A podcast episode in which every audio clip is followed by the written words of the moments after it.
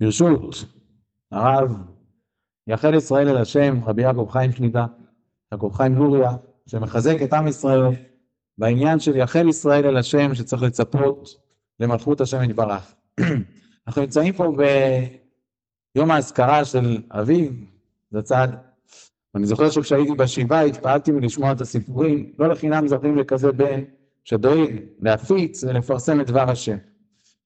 אז כמו שהרב אמר, משתדלים בדרך כלל כל יום ראשון לדבר בקו ולחזק כמה שאפשר בנושא של הציפייה לגאולה, ונעשה את זה גם עכשיו, ואני חושב שהמאמר נאמר פה היום הוא מה שנקרא בלשון חז"ל, הוא מפרק הרים ומשבר סלעים. אני אתחיל כהקדמה. ידוע מה שכתוב בדברי חז"ל, כתוב בגמרת לנו הגמרא בשבת, שכאשר מכניסים את האדם לדין, שואלים אותו כמה שאלות, ואחת מהשאלות היא האם ציפית לישוע. ויש כאלה שמביאים את הדברים האלה בהבנה של חיידר, מה שנקרא, ציפית לישוע? אה, כן, האם ציפית שמשיח יבוא?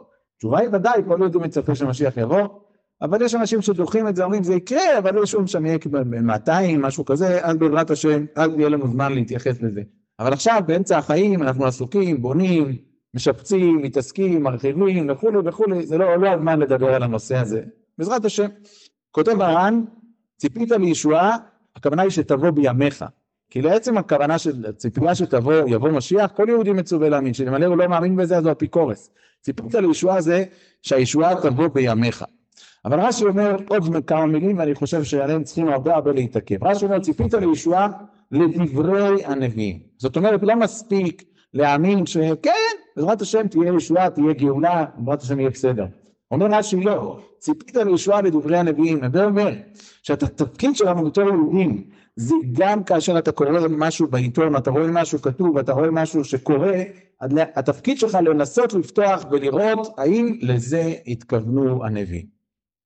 אנחנו נמצאים בפרשת וישלח והתורה הקדושה מדברת על העניין של המפגש של יעקב עם עשרו של עשיו אז אני רוצה להתחיל עם נקודה שכתובה פה ולהמשיך לנקודות של קורות בימינו כאשר יעקב אבינו פוגש את עשיו של עשיו וכתוב בפסוק הצילני נא מיד אחי מיד עשיו כי הרי אנוכי אותו פן יבוא והיכני אם על בנים. כותב הבעל הטורים דברי הרוקח הצילני נא מיד זה ראשי תיבות אמן. זאת אומרת שיעקב אבינו פוגש את, את, את, רואה את המפגש עם עשיו לא רק את המפגש הנוכחי אלא הוא רואה את המפגשים העתידיים. כבר אירחנו על זה בקו ואני לא רוצה עכשיו להאריך כי גם הזמן שלי צריך לנסוע לאיזה בר מצווה. אז עמלק תמיד מגיע לפני שעם ישראל נכנס לארץ ישראל זה היה בפעם הזו כאשר יעקב חוזר מבית לבן זה היה ביציאת מצרים מיד אשר יבוא עמלק. זה היה אחרי שהלכו להיכנס לארץ ישראל אחרי 40 שנה במדבר, וישמע הכנעני, אומרים חז"ל זה עמלק, זה היה בין בית ראשון לבית שני, שהגיע המן הגגי להשמיד, להרוג ולאבד את כל היהודים, וזה היה בפעם האחרונה, לפני 80 שנה, כאשר עם ישראל הולך להיכנס לארץ ישראל לנצח, פה קורה עוד פעם, מגיע עמלק, כמו שכתוב בדברי, בדברי המפרשים, שגרמניה זו עמלק, והגיע להשמיד, להרוג ולאבד את כל היהודים. ופה נשים לב שפה קרה משהו. בכל המפגשים עד עכשיו לא קרה שום דבר. ממפגש עם המן יצא לנו פורים. אבל פה באמת קרה מה שקרה, ורחמנא ליצלן שליש מעם ישראל הלך. מה קרה פה? אין ספק שעם ישראל הולך לחזור לארץ ישראל ועמלק מה שנשכב לאורך ולרוחב זה, שזה, כדי שזה לא יקרה. יעקב אבינו פוגש את צרו של עשיו ואז אומר הצילוי לי מיד אחי מיד עשיו אומר הרוקח ראשי תיבות הצילוי לי מיד זה ראשי תיבות אמן אין צל של ספק שאם יעקב אבינו רואה את המפגש ההוא אז ודאי שהוא גם רואה את המפגשים העתידיים. ומה הוא אומר? כי הרי אנוכי אותו פן יבוא ויקן ים על בנים. אז התחדש לי בשנים עברו, אמרנו את זה בקו, שהגימטריה של המילים כי ירא אנוכי אותו, בוא נשים לב למילים האלו. ירא בגימטריה 211. אנוכי בגימטריה 81. 81 ב-211 זה 292.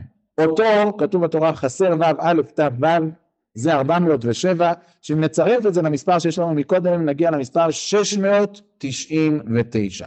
מה זה המספר הזה 699? איך כותבים את זה באותיות? ת', ר', צדיק, ט'.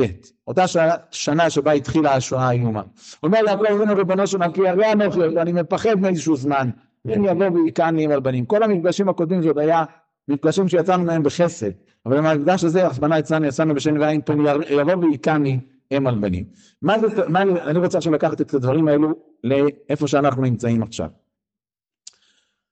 ואין לי צל של ספק שהדברים שאני אגיד פה עכשיו יתחדשו בזכות קו אחר ישובו, במפורש. אין צל של ספק שזה יתחדש דווקא בזכות הזו שיושבים ומדברים על הנושא הזה עוד פעם ועוד פעם, ופתאום דברים יתבהרו.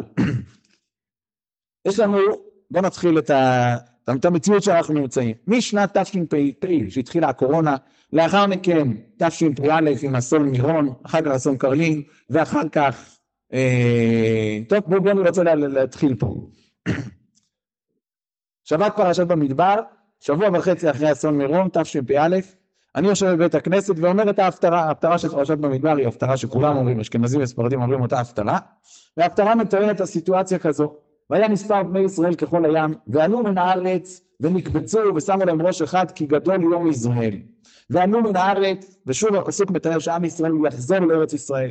אבל הם יהיו עסוקים בדברים אחרים, הם יהיו עסוקים מה שנקרא בחיים הטובים, ו... וכולי, אני לא אעריך מדברי הפסוק, הפסוק מתאר את כל המצב כמו אישה שכאילו מצד אחד טוב לה, אבל מצד שני מחפשת דברים לא טובים. ואז הפסוק אומר כזה משפט, והשבעתי כל משושה, חגה, חודשה ושבתה וכל מועדה. פסוק בנביא הושע, הושע פרק ב'. ואז אני אומר לעצמי, בתפיסה של רגע, אולי, תראה מה כתוב פה, והשבעתי כל משושה. מה זה משושה? משושה זה בדיוק מה שקרה במירון, שמן ששון לחבריך, כך קוראים להם לאירוע הזה של רבי שמעון, שמן ששון לחבריך, והשבעתי, באמצע האירוע פתאום עצרו את האירוע בבת אחת, קישטה, עופו מפה. אז אני אומר לעצמי, רק רגע, זה, אולי זה מרומד בפסוק, ואני מסתכל, והפסוק אומר משושה, משושה מתחיל במ' ונגמר בה', ה' כמניין 45 ההרוגים שנהרגו במירון. ואז אני הקטן יושב פה בבית כנסת, כן, זה לא רחוק מפה, בית כנסת קרלין, זה לא אני, אני רק רוצה לספר את התוכן של הדברים. ואני אומר לעצמי, ריבונו של עולם, רק שהחגה לא יושבת. אבל לדאבון כולל, יום למחרת, בערב חג השבועות, אני חסיד קרלין והייתי באירוע, ערב חג השבועות קורס הפרנצ'ס בקרלין, וכל כלל ישראל הוא דיספוט לשמוע מזה לפני כניסת החג, וחג השבועות לא היה בח... בעם, בעם, בעם ישראל כמו שצריך. אבל אני עדיין לא מספר את הדבר הזה, למה? כי אני אומר לעצמי, הוא חייב להיות מרומז בפסוק באיזושהי צורה. וזה לא מרומז בפסוק, כי למעשה באירוע עצמו נהרגו רק שני אנשים. אברך שלישי היה פצוע, והמצב שלו התייצב, אחרי 39 יום הוא נפטר לבית עולמו. היו הדברים לעילוי נשמתו אליהו בן מריה. ואז אני אומר לעצמי, הנה, חגה, יש פה את הגימל באמצע, השבעתי חגה, הקדוש ברוך הוא השבית את החג של עם ישראל, והמספר המרומז. מאז אני הקטן עם עיניים צופיות על הפסוק הזה. נמשיך. מגיע פורים ומוקפים, תשפ"ב, אנחנו בתוך שנה מפורים, שנה מניסן, מפורים ומוקפים, משנה שעברה. פורים ומוקפים, ערב שבת קודש, בכל קבוצות ישראל, בשיא השמחה הגדולה, פתאום הגאון רבי חיים קנייבסקי נפטר לבית עולמו. ואני הסתובבתי בירושלים, וראית אנשים סהרוריים, זאת אומרת שיכורים מצד אחד בשיא השמחה, אבל פתאום פתחו כזה פה, מה קורה פה? באמצע האירוע, שוב, השבעתי. ואז דיברתי את הדברים האלו בקו, ואמרתי, אז לא הזכרתי איפה זה מרובד בפסוק, והרב לוליה כמדומני הביא, או בשמו, בשם מישהו אחר, שלכאורה אפשר ללמוד את זה גם במספר, חודשה ושבתה. אז דבר ראשון, למה זה לא מרומז לזה? כיוון שהפסוק אומר לנו, החודש אשר נהפך מיגון לשמחה ומעבר ליום טוב. איזה חודש זה החודש של עם ישראל? חודש אדר. במרכז החודש, באמצע החודש, ט"ו לחודש אדר, בכניסת השבת, חודשה ושבתה, פק, עוד פעם, עוצרים לנו את השמחה בבת אחת. איפה זה מרומד? חודשה בגימטריה שי"ז. אם הכולל זה שי"ח, איך היה חותם הגאון רבי חיים קנייבסקי? שיח באגרי, זו הייתה החתימה שלו, שי"ח, זה ההערה שהוא הראה גם בקו. ואז אני דיברתי בקו שיחה באחד מימי ראשון ואמרתי את הדברים, ואמרתי יש המשך לפסוק, אבל אני לא רוצה לדבר על ההמשך. ואז בבית שלי, בוא נגיד מה, מה ההמשך של הפסוק? משבתי כל משושה, חגה, חודשה ושבתה וכל מועדה. מה זה כל מועדה? אז ישנו פירוש על התנ"ך, פירוש מערי קרא. הוא כותב, בכל מועדה אלו המועדים שבדו מליבם. מה זה המועדים שבדו מליבם? יום העצמאות. אני אומר לאשתי בבית, יום העצמאות הזה יהיה משהו. אבל לא, לא, לא רוצה לספר לאף אחד שום דבר, מה הולך להיות, מה זה, לא יודע. יום חמישי ד' באייר, יום העצמאות מוקדם, הכל עובד בסדר, הכל רגוע, הכל שולב, שום דבר. אז כנראה שזה לא נכון. אבל בליל ה' באייר, יום העצמאות האמיתי, בתאריך האמיתי שלו, קורה פיגוע הגרזנים באלעד. מחבלים חודרים לתוך עיר חרדית, אין ואין בישראל, מקום עיר ואין בישראל, מקום רגוע ושלם כביכול, שבכלל בכלל לא בקו הירוק ולא בקו הסגול, בתוך זה ופיגוע בצורה מזעזעת. חול מועדה.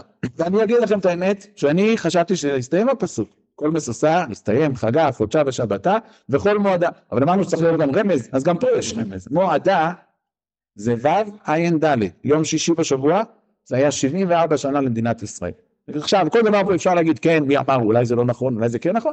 אני אומר, רמזים, מי שרוצה יקבל, מי שרוצה יחלוק כדרכה של תורה. אני הקטן הייתי בטוח שהפסוק הזה יסתיים. אבל לפני שבועיים פוגש אותי ידיד, והוא אומר לי, אתה דיברת בשעתו על איזה, על איזה פסוק מסוים, מה זה הפסוק הזה?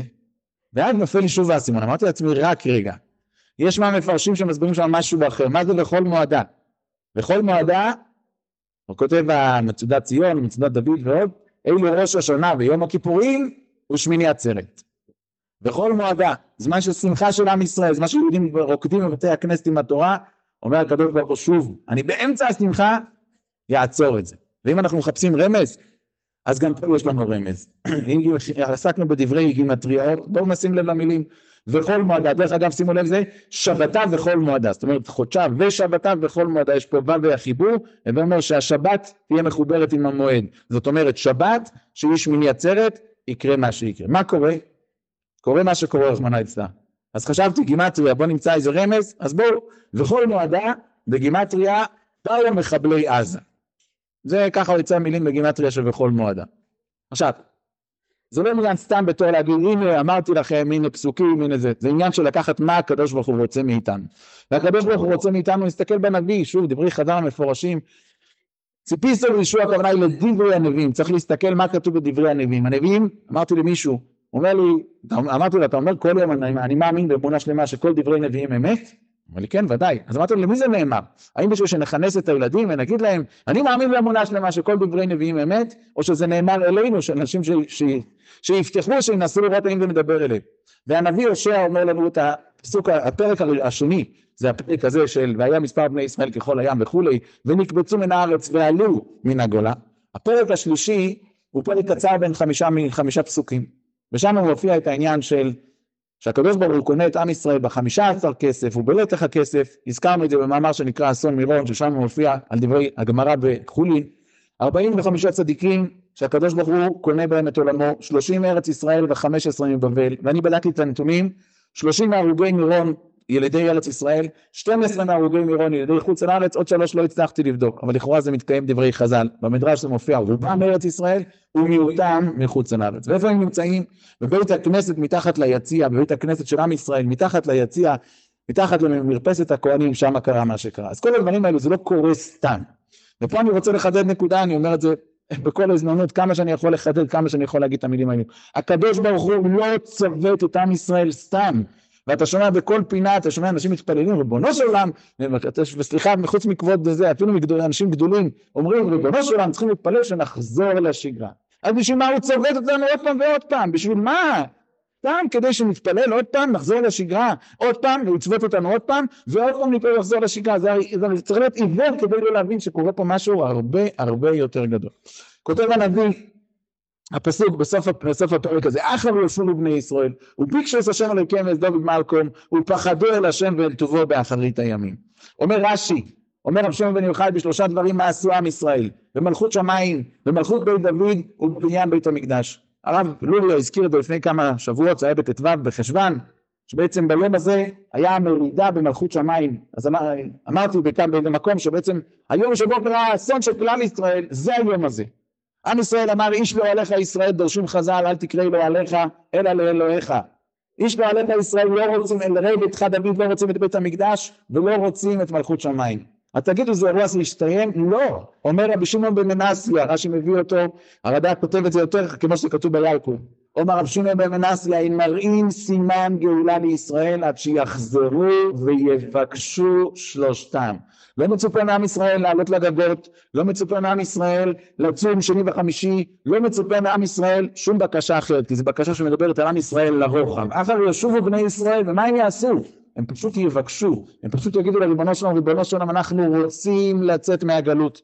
ותהיתי לי לרב יעקב ישראל, רבי יעקב חיים לוריה, שפועל בעניין הזה כל כך הרבה להפיץ את העניין כמה שאפשר, כמה ש... מכל הכיוונים כמה שאפשר, וגם אני הקטן מנסה כמה שאפשר, כמה שאפשר, ואני אומר לכם שזה קל, כי גם פה מתקיימים דברי חז"ל, אין בן דוד בא עד שהתייאשו מן הגאולה. אנשים מוכנים היום לשמוע חיזוקים באחד, ובשתיים, ובשלוש, ובארבע, ובחמש, הכל, הכל דבר, הכל יפה, הכל מקסים. אבל כשאתה מגיע ולדבר עם אנשים תכלס, מה שחז"ל הקדושים אומרים, לא מה שמישהו צדיק בן דורנו הרב מקודן נסתר אמר, חז"ל הקדושים אומרים שזה מה שיקרה אחר ימי הגולה ישובו בני ישראל, אומר רש"י, אחר ימי הגולה, זאת אומרת מדובר במפורש על הסיטואציה שבה אנחנו נמצאים, בתקופה הזו עם ישראל יחזור לארץ ישראל אחרי הגלות.